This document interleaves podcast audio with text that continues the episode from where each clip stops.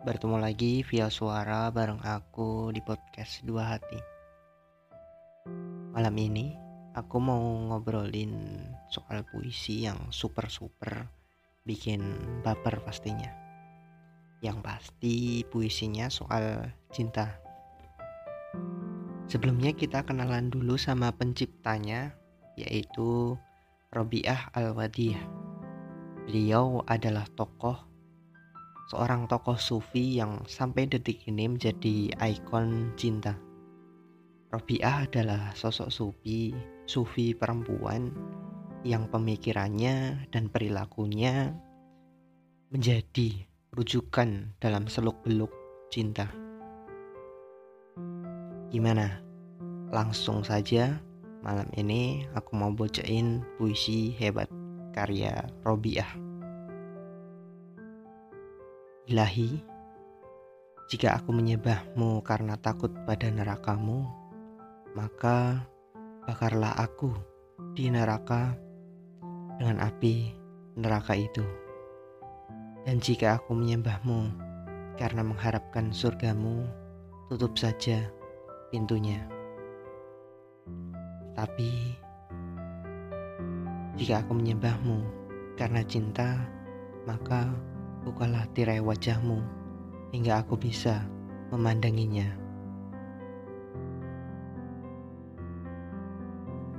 Aku mencintaimu dengan dua macam cinta. Cinta karena rindu dan cinta karena engkau layak dicinta. Dengan cinta rindu, kusibukkan diriku dengan mengingat-ingatmu selalu